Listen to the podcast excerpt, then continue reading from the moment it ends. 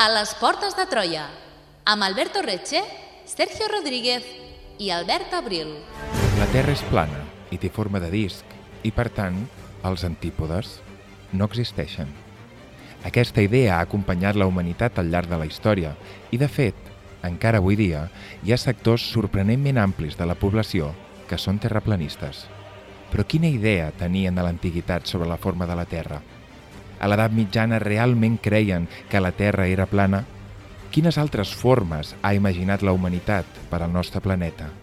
Què pensaven els antics sobre l'antípoda?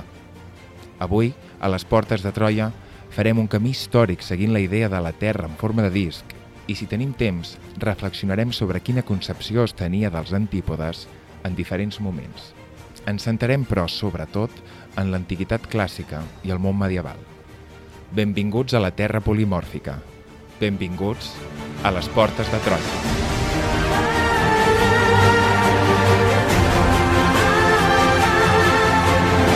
Benvingudes, benvinguts a Les Portes de Troia, el programa de ràdio d'història de la xarxa de comunicació local. Des dels estudis de Ràdio Castellar, un programa més per parlar de la Terra plana i els antípodes. Els antípodes. Els antípodes. Benvingut, Albert Abril. Com anem, Sergio? Uh, els humans sempre hem representat la Terra amb una forma esfèrica o rodona? Uh, com bé sabeu, la resposta és no. De fet, uh, al llarg de les portes de Troia s'ha parlat de manera tangencial no? sobre aquest tema, sobre terra plana, sobre terra amb altres formes que ja anirem, que ja anirem veient, uh, però la resposta és absolutament no.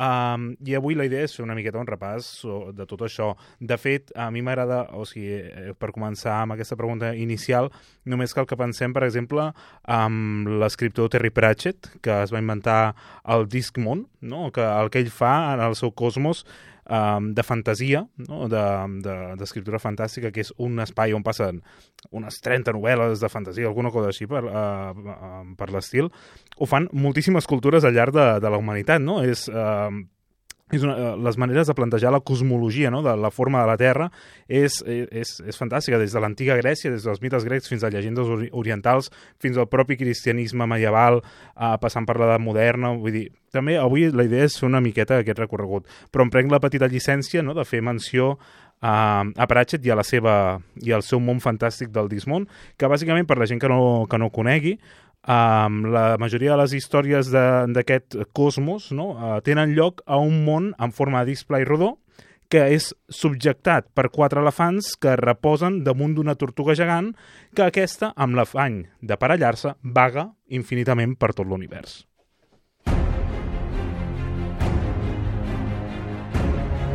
Segueix-nos a facebook.com barra Portes de Troia o a Twitter arroba Portes de Troia. Descarrega't el podcast des d'iBooks o iTunes.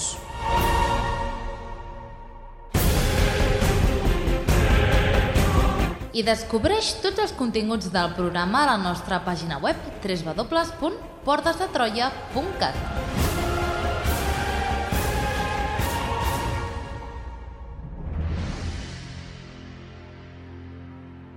Ara fa un bon grapat d'ons. Molt bé, comencem el programa d'avui.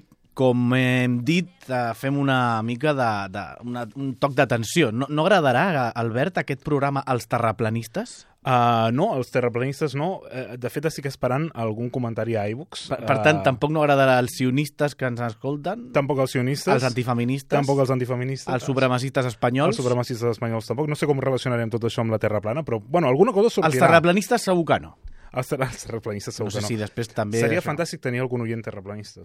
Seria meravellós, però no sé, poder sí, eh? Perquè tal com està la cosa darrerament, poder tenim, tenim una també. audiència molt diversa. Molt diversa. Llavors, dins Respecte, el que, respecte. dins el que cap.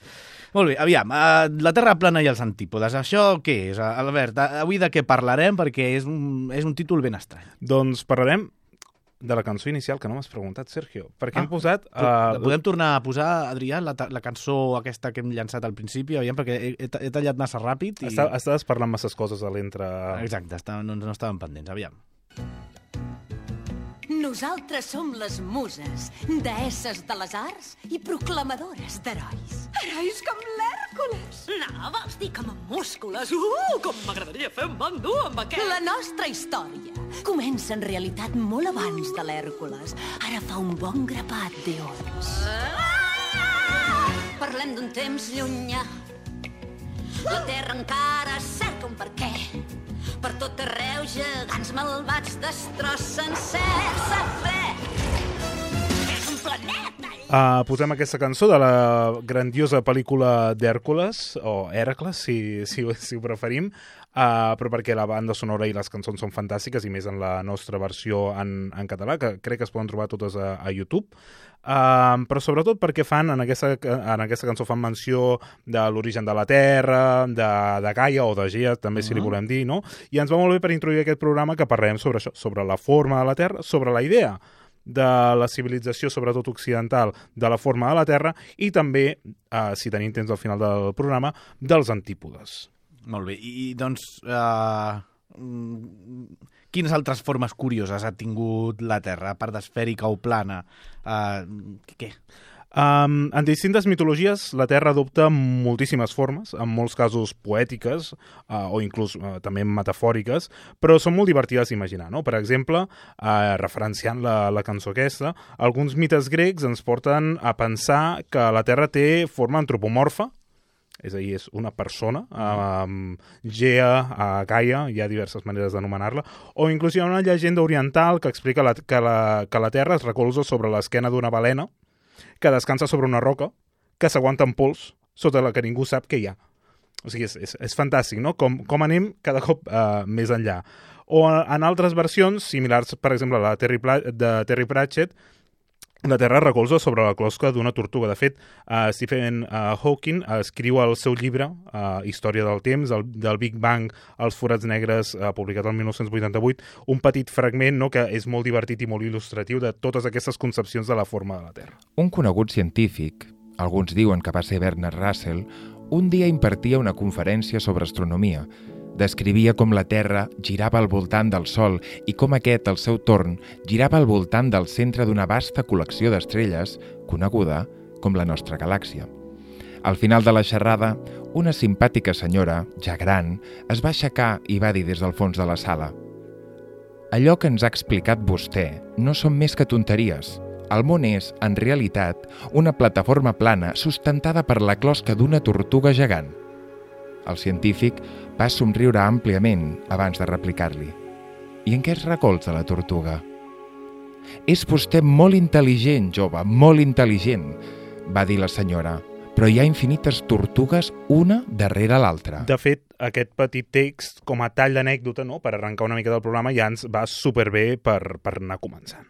Molt bé. Quins són els, eh, Albert, quins són els primers moments en què es comença a reflexionar mm, científicament, entre cometes, sobre la forma de la Terra? Um, també s'ha de dir que el programa d'avui el centrem sobretot en el pensament uh, occidental. Uh, no he investigat uh, si en altres regions del món s'ha investigat més a, a, o sigui, anteriorment sobre la forma de la Terra.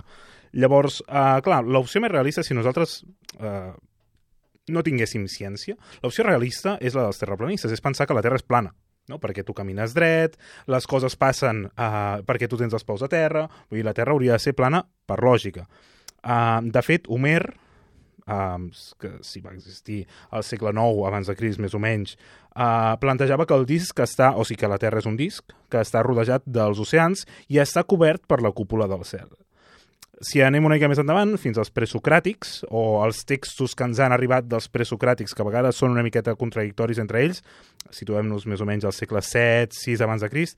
Per exemple, tenim a Tales, eh, el famós pel teorema de Tales, parla i afirma que la Terra és un disc pla, Anaximandre diu que la Terra té forma cilíndrica, Anaxímenes eh, diu que és una superfície plana rodejada per l'oceà que navegava sobre una espècie de coixí d'aire comprimit. No veiem com anem més enllà. Sí, sí, sí. Um, Parmènides, ja potser és, el, és dels primers textos que tenim registrats que comença a intuir l'esfericitat de la Terra, i llavors ja tenim el nostre estimat Pitàgores, eh, que considerava que per raons molt matemàtiques i molt místiques, que ara no, jo tampoc m'he posat a, estudiar-les i a, a destriar-les amb deteniment, ell ja deia que la Terra era esfèrica. I personalitats més conegudes, eh, potser a l'alçada de Pitàgores, no? però també com Plató o Aristòtil, què consideraven? Clar, hem parlat dels presocràtics, ara ens toca parlar un momentet dels postsocràtics, no? com per exemple Plató i Aristòtil, situem-nos més o menys segle V, eh, 4 abans de Crist, ja estaven convençuts de que la Terra era rodona i ho expliquen a través d'observacions empíriques.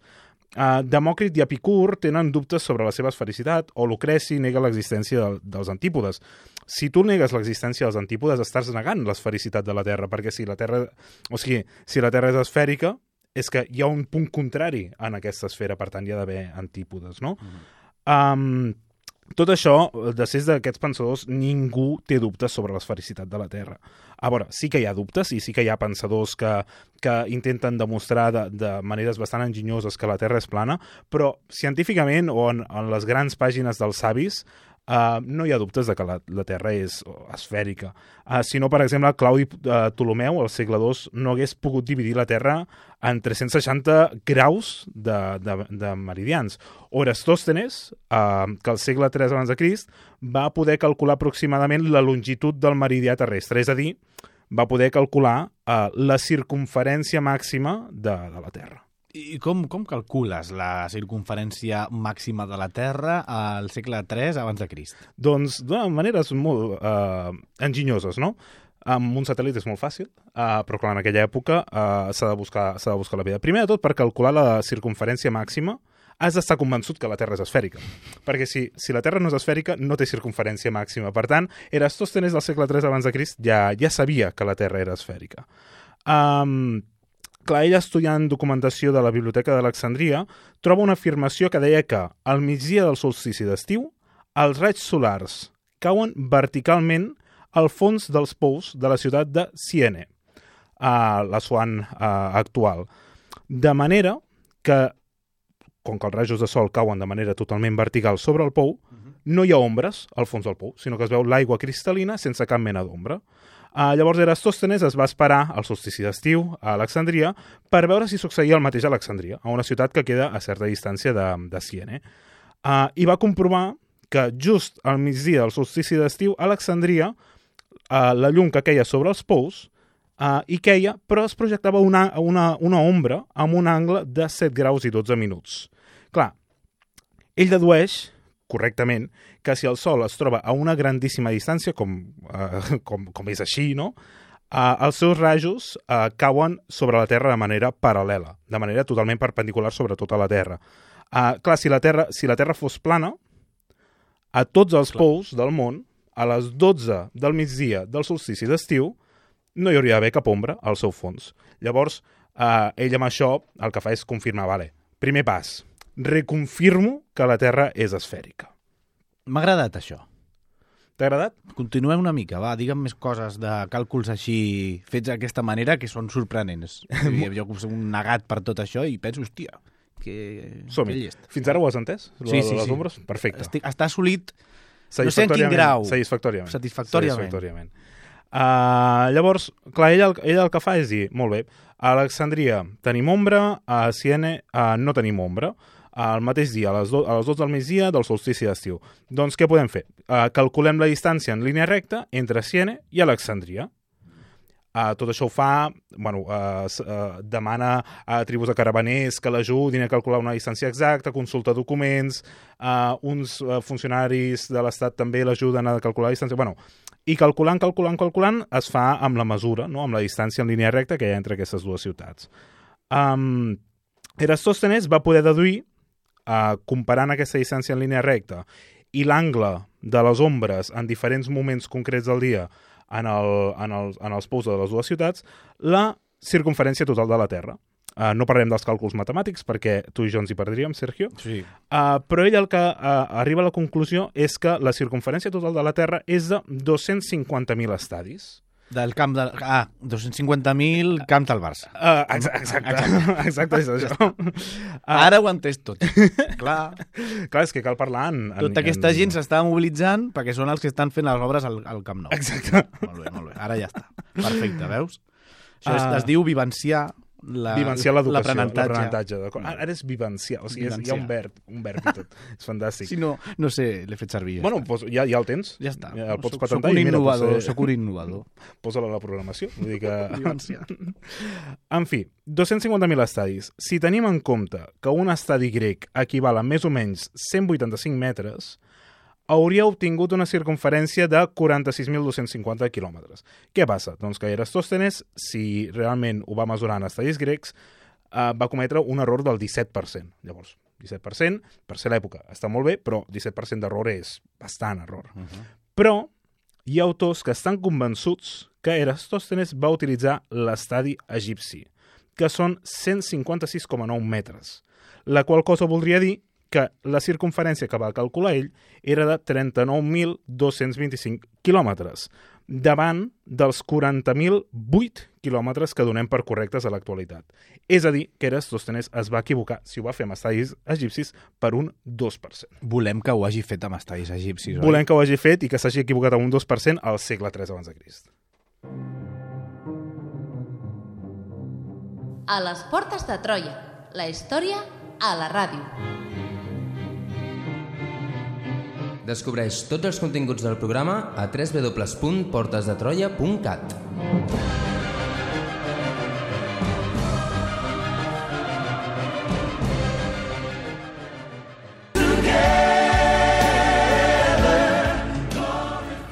Avui va de, de cors la cosa, no? Avui va d'acords. I a més a més, clar, jo estava pensant quines músiques pots posar en aquest programa. I veurem que ara, en aquesta secció, introduirem un concepte que és el tabernacle.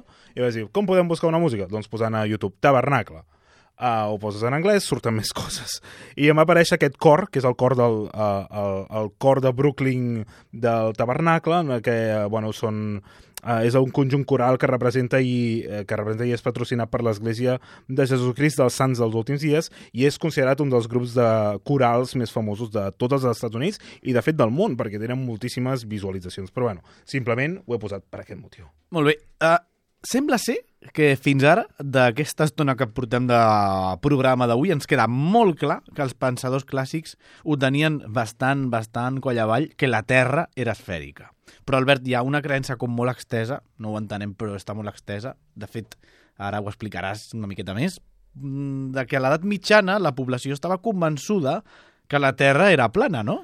Uh, sí, de, i de fet, um, aquí a, la, a les Portes de Troia ja ens hem dedicat, sobretot la- l'Alberto, en programes de trencatòpics o inclús un que va fer sobre els mapes medievals, uh, en desmentir que això no és, no, no és cert. Um, de fet, els estudiosos de l'edat mitjana sabien que la Terra era una esfera. Ho sabien perfectament. Potser hi havia un parell que, que no, perquè reinterpretaven la Bíblia o entenien la Bíblia com un text científic, però estaven convençuts de que la Terra era esfèrica. De fet, uh, si Dante no, en la seva obra de la Divina Comèdia, entra a l'embut infernal, surt per l'altre costat i veu unes estrelles que, unes estrelles que no coneix, al pe, als peus del món purgatori, és que significa que la Terra és rodona, no? perquè està veient un firmament que ell no coneix. Um, però és que això també ho creien Ambrosi, Albert el Gran, Tomàs d'Aquino, Ro- Roger Bacon, Johannes Sacro, uh, Sacrobosco, entre moltíssims altres noms de, de, de, de pensadors il·lustres uh, medievals. Inclús al segle, uh, al segle VII, Isidor de Sevilla, que no és precisament un model de, de precisió científica, calculava la longitud de l'equador en 80.000 estadis. Ja veiem que es passa una mica, no, no passa res, Vale. però si et planteges el dilema de, de quan mesura l'equador, és que tu estàs convençut de que la Terra és esfèrica, perquè si no, o sigui, no saps ni què és l'equador, no? Um, de fet, la mesura de l'Isidor és aproximada i, i mira, i encara no difereix tant, tant, tant de l'actual, però sobretot per fer- per fer-nos una idea aquesta, no? que si Isidor està, està intentant calcular la mesura de l'equador, d'aquesta circunferència màxima de la Terra, és que ell estava convençut de l'esfericitat de la Terra. Molt bé, i- però llavors, mm, Albert, com és eh, que durant temps i encara avui dia hi ha molta gent convençuda que el món medieval cristià està convençut que la Terra era plana? És el de sempre, no? És el de sempre, però no ens cansarem de dir-ho. No ens cansarem de dir-ho, no? L'edat mitjana, una època maltractada, des de que es va acabar l'edat mitjana, no? des dels humanistes, uh, i és una època maltractada uh, per Hollywood, per la cultura popular actual, i aquí és, som un fort de resistència per defensar la bona edat mitjana. Um, clar, tothom es pensa no, que els grecs, els romans avancen moltíssim eh, a nivell científic, a nivell astronòmic, a nivell de la forma de la Terra, els mapes, no sé què, no sé quantos, de, de cartografiar. Cada cop a l'edat mitjana tot això s'oblida i de cop tornen els humanistes a recuperar tot el saber dels antics grecs, dels antics romans, etc. Tot això no és gens cert, um, perquè els medievals no s'allunyen gens de l'astronomia grega. Però anem a jugar, no? Uh, pregunteu a una persona normal, persona estàndard, típica, dinar, de, dinar familiar, Ui, Uh, el cunyat. Uh, Fa dies que no surt. cunyat. És veritat, fa dies que no surt. Pregunteu-li al cunyat, no? Què volia demostrar Colom quan pretenia arribar a l'est per l'oest i què què s'obstinaven tant a negar els savis de Salamanca? Aquesta junta de savis no, que es va cridar sí. sí. per analitzar el projecte de Colom, etc etc. La resposta, després del dinar familiar, després dels carajillos i de les ratafies, normalment, en la majoria dels casos, serà que Colom estava convençut que la Terra era rodona, mentre que els savis de Salamanca creien que era plana i que després d'una breu, breu navegació, les tres embarcacions de Colom, el que, fa, el que els hi passaria era, és que es precipitarien al, a l'abisme còsmic. I realment els savis de Salamanca pensa, del final del segle XV pensaven que això era així? Òbviament, no. I menys al segle XV, quan ja portem uns quants segles d'edat de, mitjana. Um, I és que el problema, si li volem dir problema, neix on neixen molts problemes. Aquesta és la temporada on estem, on estem situant el segle XIX com l'inici dels problemes, eh? És, bueno, és que, Se- Sergio, racisme, Sí, sí, nacionalisme... que van bueno, sumant, bueno, van sumant. Van sumant. Uh, la mala opinió, un dels moments que suma la mala opinió de, de la mitjana, no? Uh, però el problema neix al segle XIX. Clar, hem de pensar. El pensament laic del segle XIX estava molt, enfara, molt enfadat amb les teories religioses que s'oposaven a la idea de l'evolucionisme. No és el moment en què es plantegen les grans teories evolucionistes i gran part de l'Església es, es nega, no? Ella és, és, és molt més partidària de les teories um, creacionistes, en aquest cas. Llavors, arran d'aquesta ràbia, uh, van atribuir al pensament cristià i, per tant, al pensament medieval, perquè sabem que el pensament medieval està impregnat no, de, de l'escolàstica, uh, que alhora està impregnada del pensament clàssic, però, bueno, és igual. Uh, arran d'aquesta ràbia, el, els pensadors laics del XIX el que fan és atribuir al pensament cristià la idea que la Terra era plana, entre moltes altres idees negatives. Um, clar, es tracta de demostrar que, de la mateixa manera que s'havien equivocat sobre l'esfericitat de la Terra feia molts segles de l'edat mitjana, ara, al segle XIX, també s'estaven equivocant uh, al respecte a l'origen de les espècies i de la- i de l'evolució. No? És, mm -hmm. és un tipus d'argument no? i els hi anava fantàstic. No? Els hi posem la culpa de que deien això i diem, bueno, us estàu equivocant amb això, ara també us podeu estar equivocant. Molt bé, molt bé, molt bé. Però, clar, la gent del segle XIX tenia alguna base per poder afirmar que els medievals creien en una terra en forma de disc? Sí, la veritat és que sí. Um, es van aprofitar d'un parell de- d'escrits. De, no? De fet, n'hi ha, ha més, no? Però en destacarem un parell. Uh, un escriptor cristià del segle IV que es deia Lactanci. En el seu llibre, o la seva obra Instituciones uh, Diviniae, es uh, suposa la, a les idees paganes sobre l'esfericitat de la Terra. Clar, ell al segle IV llegeix els clàssics, els clàssics diuen que la Terra és esfèrica i ell diu, no, no, no, no, no, pagans, què dieu? La Terra no és, um, no és esfèrica. Uh, I es basa en que la Bíblia, l'univers és escrit amb el model del tabernacle, no? aquesta idea que ha sortit abans a la, a la cançó. I, per tant, la Terra té forma quadrangular. A més, bueno, a- el cosmos té forma quadrangular, la Terra podria tenir forma de disc, forma quadrada, però sobretot era plana. Uh, a més a més, ell s'oposava a la idea de l'antípoda. No? Uh, recordem, si t'estàs oposant a la idea de l'antípoda, dels antípodes, és que t'estàs oposant a la Terra esfèrica. Sobretot per què? Doncs perquè, clar, si hi hagués un antípoda, allà els humans haurien de caminar cap per avall. No? I, però és que, a més a més, caminarien cap per avall i es podrien precipitar cap al buit en qualsevol moment. Um, es va descobrir també que un geògraf bizantí del segle VI, uh, el senyor Cosmas Indic Indicopleustes, Indicopleustes uh, que la seva obra Topografia cristiana uh, també s'inspira en el tabernacle bíblic, defensa que el cosmos és rectangular un altre cop amb una bòveda que s'elevava sobre la superfície de la Terra. Val, ja ho has anat explicant, però crec que els oients, jo també, necessitem una explicació una miqueta més extensa sobre això del tabernacle, perquè la, la ment ho associa, jo estic ara mateix a- a- al, al meu bar preferit, demanar una cervesa, i no és això. vale. No, clar. Tu demanes un, una cervesa i un tabernacle? Eh? Què? Perdó? Eh? No, no t'he entès, això últim que sí. Taverna? Ah, hòstia. Clar, Taverna, tabernacle. ja està. Terrible, terrible. D'acord, d'acord, d'acord. Crec que anava més enllà. No, estem, No, no, ja està. Estem, estem cansats, Per, Sergio. això, per tant, això de tabernacle, què és? Què és el tabernacle? En llatí significa tenda de campanya Mm. i fa referència a la tenda que servia de santuari al poble d'Israel al desert durant el seu èxode i a dins d'aquesta tenda s'hi guardava l'arca de l'aliança amb les tauletes de la llei Uh, I també és on Moisès en principi entrava per trobar-se amb Déu. Llavors, en, hi ha bastantes cosmologies, uh, sobretot, òbviament, uh, cristianes, que afirmen que el cosmos té la mateixa forma. És a dir, que el cosmos té forma de tabernacle. Uh, òbviament de manera proporcional al cosmos, no de manera uh, molt més gran, però ens podem imaginar que uh, doncs aquests dos personatges, uh, Cosmes i Lactanci, creien que l'univers tenia forma del tabernacle del poble d'Israel i que, per tant, dins d'aquest tabernacle la Terra havia de ser plana.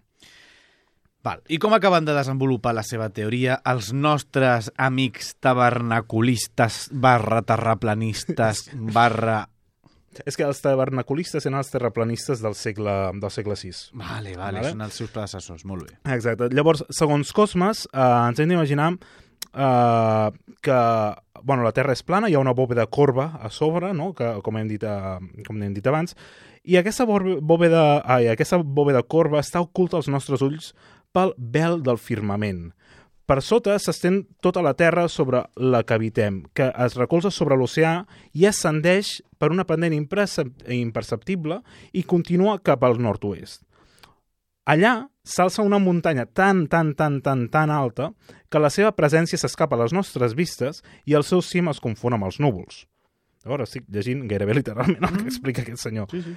Um, aquesta muntanya altíssima que s'alça en l'horitzó i la confonem amb els núvols perquè és altíssima, altíssima, altíssima, serveix per justificar una cosa tan senzilla com el moviment del Sol i la Lluna. I és que, segons Cosmes, el Sol, mogut pels àngels, òbviament, que també són culpables de les pluges, els terratrèmols i molts altres fenòmens naturals, atmosfèrics, etc., cada matí creua d'est a sud per davant de la muntanya i il·lumina el món, i a la tarda surt de nou cap a l'oest i desapareix darrere la muntanya. Mentre el Sol està fent això, els àngels, la, al mateix moment, fan moure la Lluna fent el segle invers. Per tant, eh, d'aquesta manera s'explica la rotació amb el, amb el, eh, del dia, la nit, el Sol, la Lluna, no? Perquè realment no és que la Lluna doni les voltes al voltant de la Terra, perquè no pot, perquè la Terra no és rodona. Uh, o no és que la Terra doni voltes al voltant del Sol, perquè, perquè no pot, perquè el centre del cosmos és la Terra, sinó que s'inventen una muntanya i el Sol i la Lluna estan donant voltes a la, a la muntanya. Vale, aviam si ho hem entès, eh? Recapitulem. Hi ha en Cosmes i en Lactanci, són dos escriptors medievals.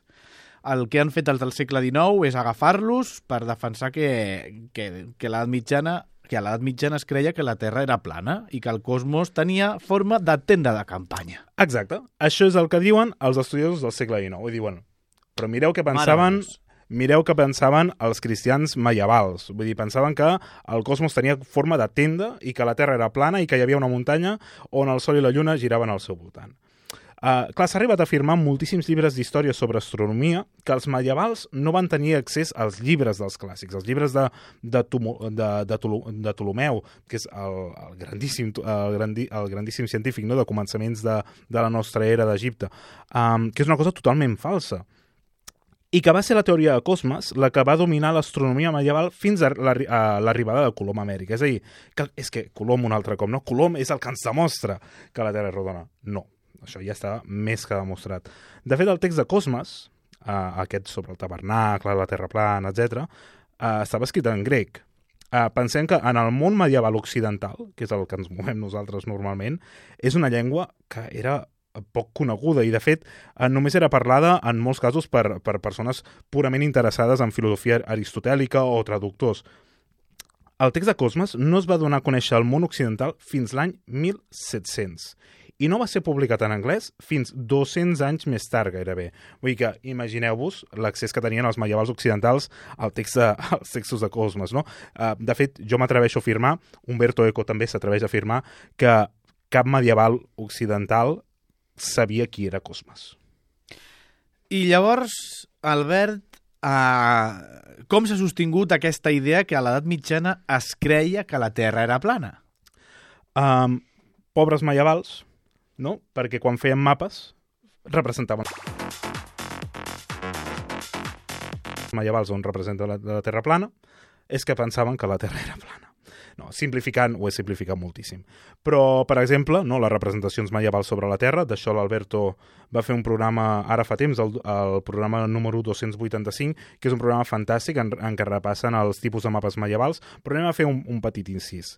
Um, Isidor de Sevilla, un altre cop el nostre amic del segle VII, uh, menciona uh, que ja menciona l'Equador, uh, en els seus escrits apareix el mapa en T, no, aquell mapa que li diem l'Orbis Terrarum, que és el, map, el mapa que es forma amb les inicials d'aquestes dues paraules, amb la O i la T, perquè és una O que ens dibuixa la circunferència de la Terra i una T que ens delimita els territoris. És, és, per, és, és un exemple claríssim d'una representació metafòrica de la Terra. A la part superior representa Àsia, a dalt perquè la llegenda diu que és on hi ha el paradís terrenal, la barra, la barra horitzontal representa el Mar Negre per un costat i el Nil per l'altre costat, i la barra vertical representa el Mediterrani. Llavors, això què vol dir? Doncs que a l'esquerra ens queda, ens queda Europa uh, i al quadrant inferior dret ens queda Àfrica. Uh, al voltant s'estén el gran cercle de l'oceà, no? Al voltant d'aquesta O i d'aquesta T s'estén tot l'oceà.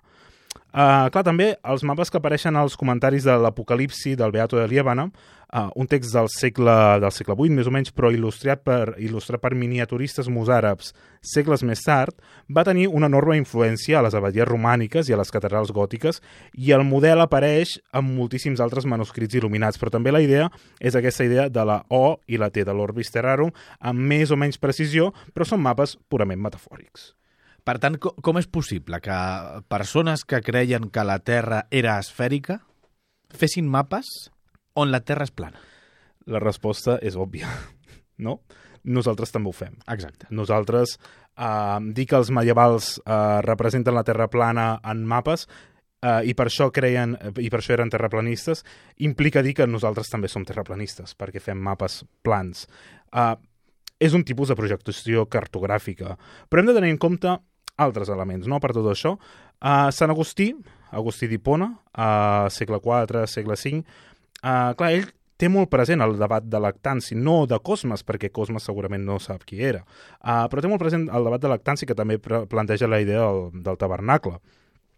Um, coneix perfectament l'opinió dels antics sobre l'esfericitat de la Terra. O sigui, Sant Agustí és un, és un geni, no? perquè ha llegit uh, els, els socràtics, ha llegit a Plató, Aristòtil, a Ptolomeu, però també ha llegit seus, els contemporanis, gairebé a lactància, bueno, contemporanis no ben bé, però de mentalitat cristiana tardo, antiga, medieval, etc.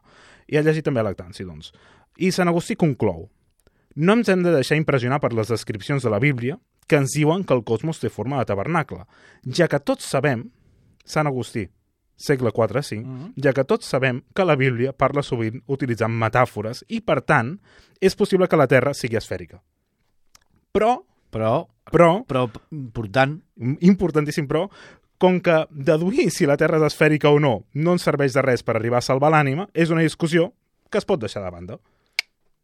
I així el senyor queda fantàstic. I no tanca les, ni les conclusions, ni la discussió, ni res. Això vol dir que... M'agafo això últim, eh? Agafa't, agafa't, pots fer-ho. Que no estudiaven l'esfericitat de la Terra? Uh, no, i de fet, uh, tot el contrari. Això no vol dir que no hi hagués una astronomia medieval. Uh, als segles XII i XIII uh, es fan moltíssimes traduccions de Ptolomeu i d'Aristòtil. Uh, una, de, una de les matèries del quadrivi, que sabem que és uh, d'aquestes mm, seccions no, de, de, de que s'ensenyava a, les, a les escoles medievals era precisament astronomia, o sigui, al quadrivi s'estudiava astronomia. Uh, o inclús al segle XIII uh, s'escriu el, el Tractatus Mundi de Johannes Sacrobosco, que és una autoritat indiscutible de la geografia de la Terra i de, també de la, de la cosmologia durant molts segles posteriors. I com eren els mapes mundials de, de l'edat mitjana? Anem a jugar una miqueta. Ja hem dit que tenim un programa sencer dedicat a això, però ja que estem posats, uh, som-hi.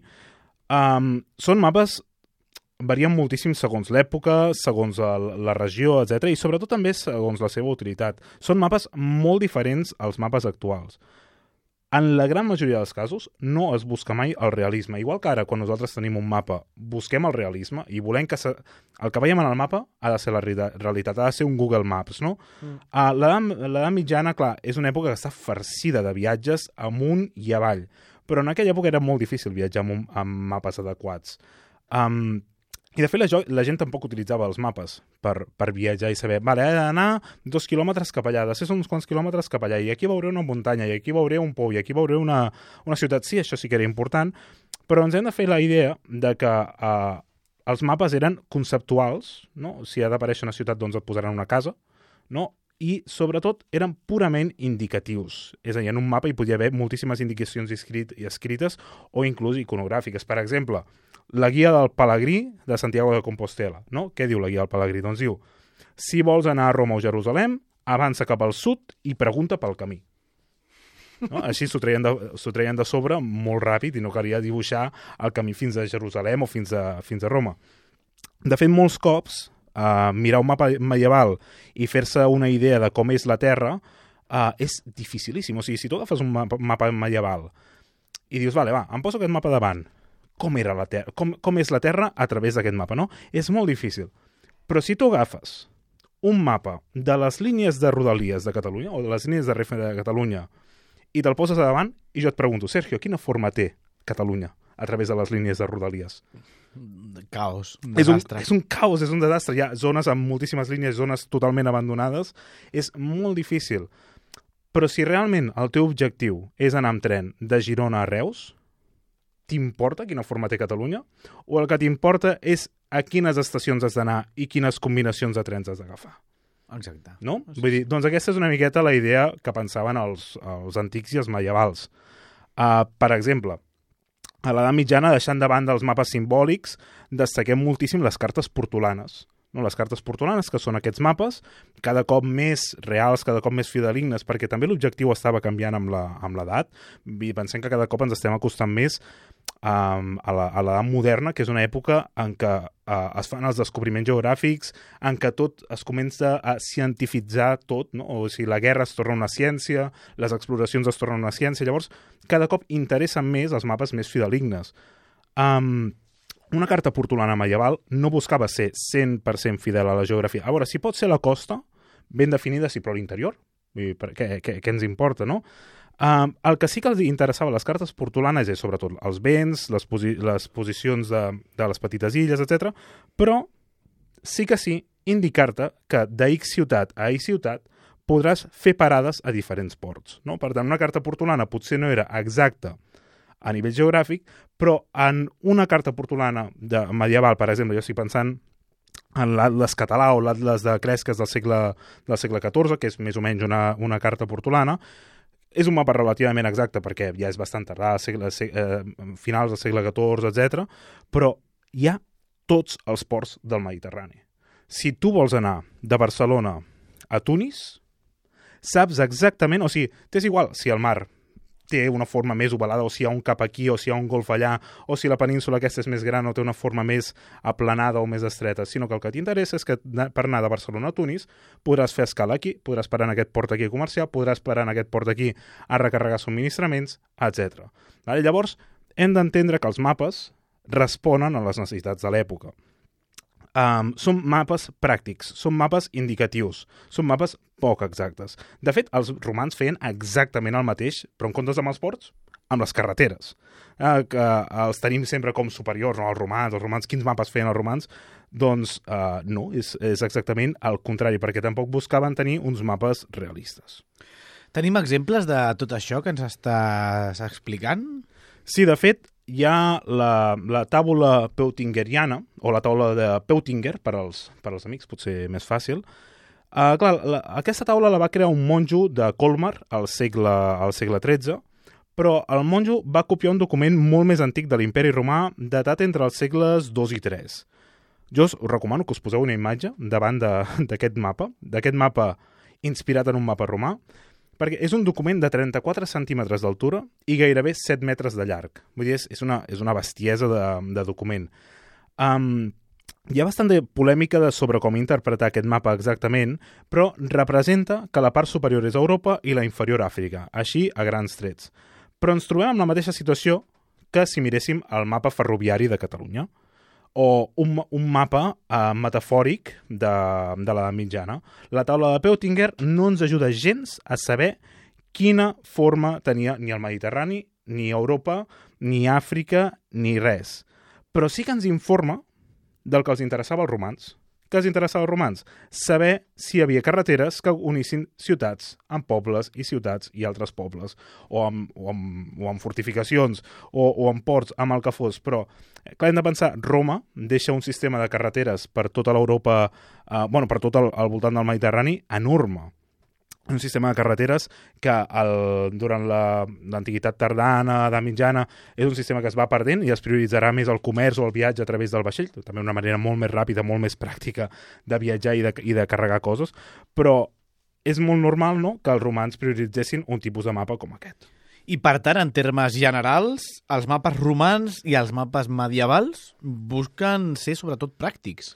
Clar, és, és, per resumir una miqueta, no? el mapa romà Uh, no importa quina distància, no importa quina forma tingui la muntanya al costat o la ciutat per la que estàs travessant, sinó que el que importa són les carreteres, són els camins que connecten aquests punts, no?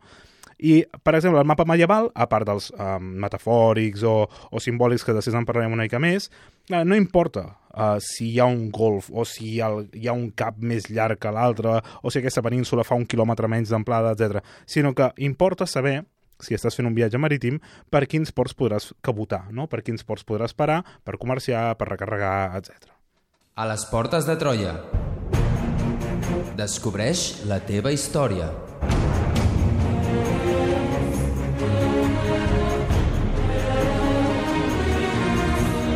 Troba'ns a facebook.com barra Portes de Troia i a Twitter arroba Portes de Troia.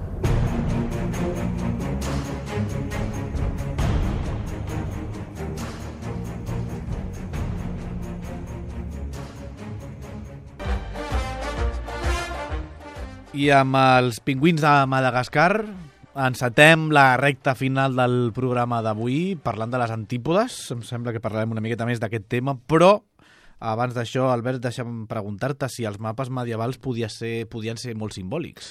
Ja ho hem anat avançant al llarg d'aquests eh, últims 10 minuts. Me, uh, L'Alberto hi dedica un programa sencer, el 200 llarg, ara no, no me'n recordo concretament el número, l'hem dit abans, um, però hem de, hem de pensar que el simbolisme en els mapes medievals era molt més important que la representació em- empírica dels mapes, no?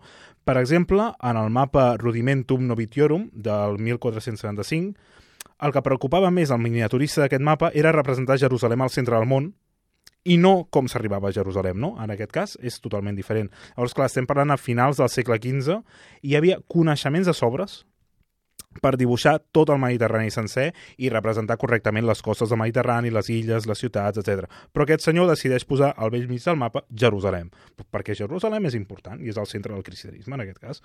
A més a més, hem de pensar que molts altres viatges medievals eren imaginaris, no? És a dir, que la mitjana uh, és molt fantàstica a l'hora de produir els llibres de meravelles, no cal anar més lluny que el llibre de meravelles de, de Marco Polo.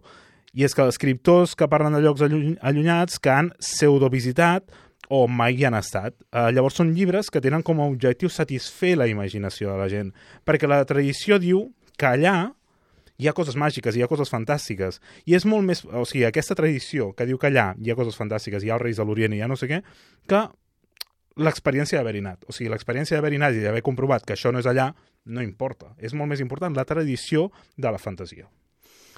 Per tant, els medievals no, no representaven una terra exacta per una qüestió de mentalitat? Practicitat per una banda, com hem explicat abans, i ara també de, de mentalitat. D'aquesta manera, un mapa tampoc pretenia representar la forma exacta de la Terra, és a dir, tampoc la pretenia representar esfèrica, en aquest cas, sinó enumerar les ciutats, els pobles, etc. En aquesta línia, diversos mapes medievals no tenen una funció científica, sinó que responien a, a, a la demanda d'allò fantàstic per part del, del públic, no? el que hem dit una miqueta abans. Llavors, en mapes de la mitjana, sobretot de la mitjana central o de la baixa mitjana, eh, et representen en la cartografia eh, on es representa la cartografia de manera molt fideligna, hi ha llocs on podem veure-hi monstres, dracs, serps, no? Aquestes zones inexplorades o de difícil accés que la tradició diu que hi ha monstres, dracs i serps. Per tant, si la tradició diu això, és que són allà i, en, i ens agrada imaginar-ho i ens agrada pensar-ho. A l'edat moderna, tot això dels monstres i les serps es deixa de dibuixar i es, comença a apuntar, o a finals de la mitjana, Ixun dracones, no? que és una frase molt, molt famosa. I en aquests personatges de difícil accés, en molts mapes medievals també podem trobar personatges bíblics, eh, llocs imaginaris, personatges fantàstics, herois, com per exemple els Reis Mags, Preste Juan... Ja no? no? Ja, ja no vull que el faci. ja no vols que el faci? Practicaré la psicologia inversa. Potser funciona. Potser funciona. Potser fun... eh, no, sé si, Alberto- no, no sé si s'escoltarà el programa. No, per això. Ho dic perquè sé que no l'escoltarà. Manifesta-ho, doncs. Però l'escoltarà la resta de gent, que sap que hi ha aquesta, aquesta història interna des de fa 300 programes. Més o menys. No vull que facis el programa del Preste Juan, Alberto. Quines Alberto Reche, dures, Montillera. dures declaracions, Sergio. S'ha acabat. No vull que el facis. Es, estàs trencant un somni de l'audiència. I per tant, d'aquesta manera, és possible que canvi d'opinió si- i aleshores faci el programa. Vale. A veure si ho aconsegueixes. Exacte, ja està. Fet aquest petit uh, parèntesi, continuem. Uh, sobre el tema de l'astronomia i l'esfericitat del planeta Terra, hi ha alguna cosa més que consideris que pagui la pena dir? Com a punt final sobre uh, tot això, no? tendim a pensar que els grecs ho sabien tot, molt més que els medievals. Però és que, per exemple, per posar una... igual que hem posat exemples de medievals uh, que deien que la, el cosmos tenia forma de tabernacle, anem a trencar... bueno, no, a clavar una llança als grecs. Epicur, un gran filòsof materialista, uh, molt empíric, va cultivar una idea que va ser discutida inclús fins al segle XII. I és que Epicur deia que el Sol, la Lluna i les estrelles, per motius molt seriosos i realment molt ben argumentats, no podien ser més grans ni més petits de com apareixen en els nostres sentits. Per tant, Epicur ens està dient que el Sol tenia un diàmetre de 30 centímetres com a molt. No? Vull dir, què és més, què és més loco? Un, un cosmos de l'edat mitjana dient que la Terra és plana o un epicur grec dient que el Sol fa 30 centímetres de diàmetre, no? Uh, clar, és, és cert que en algunes cultures antiquíssimes sí que creien que la Terra era plana, però també creien que la Terra estava sobre una tortuga, no? Um, però és que el fet és que molts contemporanis nostres també creuen que la Terra és plana. I pitjor encara, pitjor encara que el terraplanisme, és que encara hi ha gent convençuda que l'edat mitjana es pensava que la Terra era plana. Pam. Últims minuts del programa, ara sí, per començar a parlar sobre la- l'antípoda. Albert, què és l'antípoda? Fes-nos una definició. Doncs el primer de l'antípoda és que he descobert que és una paraula ah, masculina. Jo fins ara l'havia utilitzat en, en femení, les antípodes, no? Sí. I he descobert que són els antípodes, o l'antípoda. Uh, morfològicament parlant, prové del grec i està format per les arrels anti, eh, contra oposat, i pous, peu, no? Per tant, seria amb els peus al revés.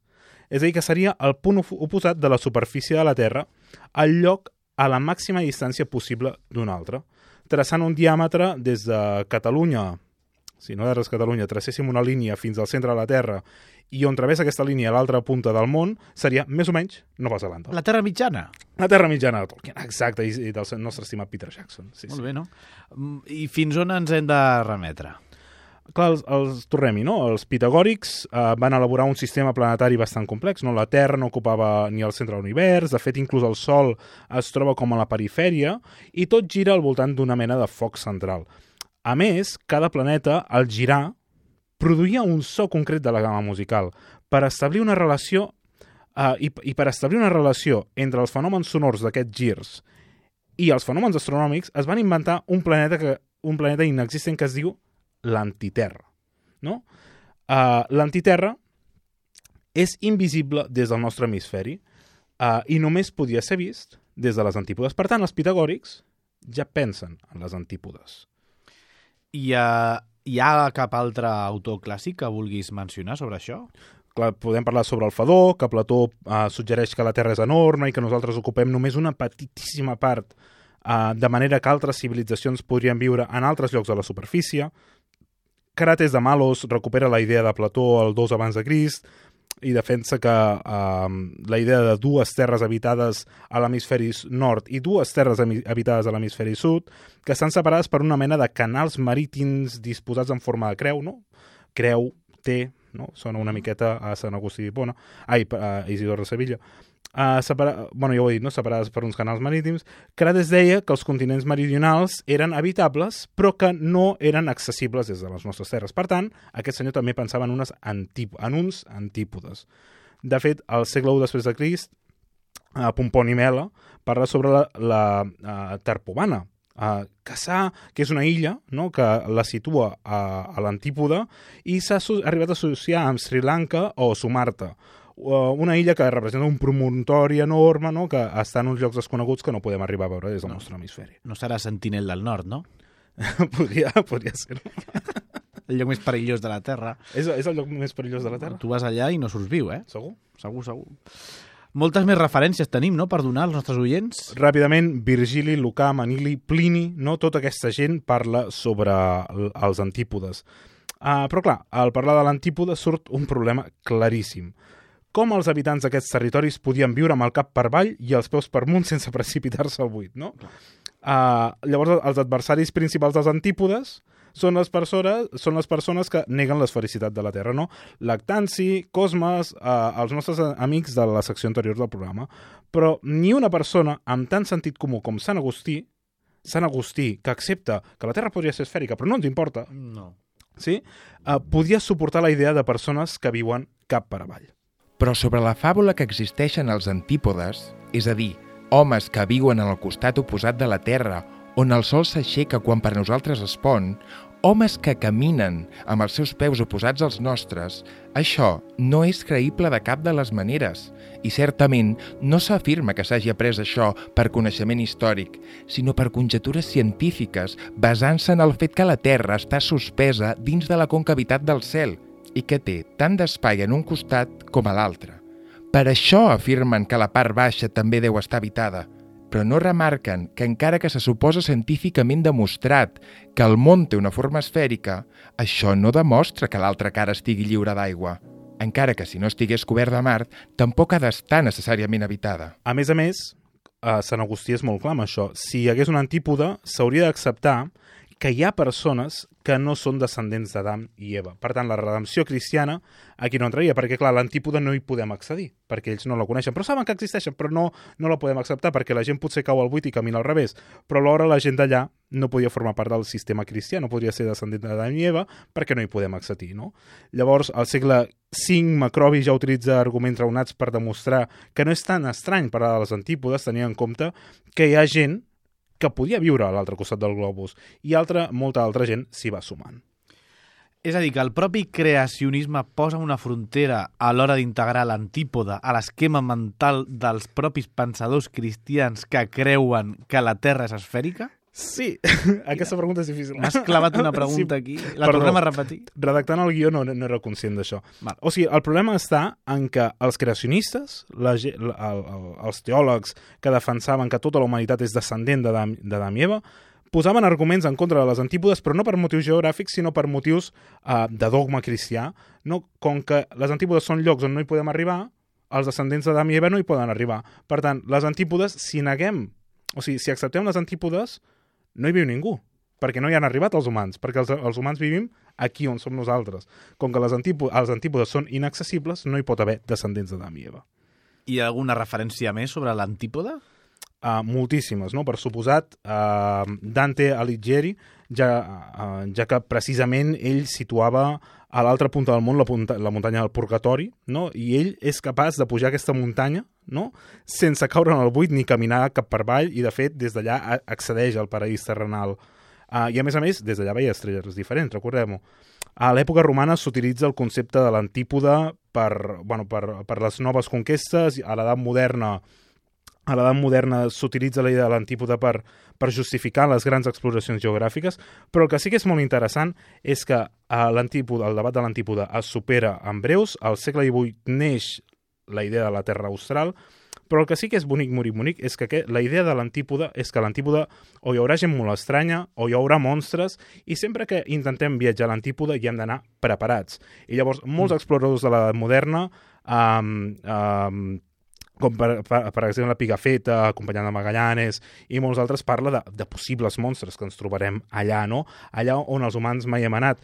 I de fet a la ciència-ficció passa el mateix. Quan els exploradors espacials es passegen per l'espai, um, no, o sigui, sempre van armats, preparats per trobar-se a qualsevol tipus d'ésser en aquestes noves antípodes que són aquestes últimes fronteres de la humanitat. Uah, com ho has deixat de bé aquí, molt amunt. Molt amunt, molt improvisat, però bé. Moltes gràcies, Albert Abril. Ens hem quedat sense temps, però hem parlat eh, d'un tema superinteressant. Gràcies per portar aquest tema avui al Portes de Troia. A tu, Sergio. L'Adrià Tirà del control tècnic i us parla Sergio Rodríguez i nosaltres us esperem amb un tema tan interessant com aquest, segur, la pròxima setmana a un nou Portes de Troia.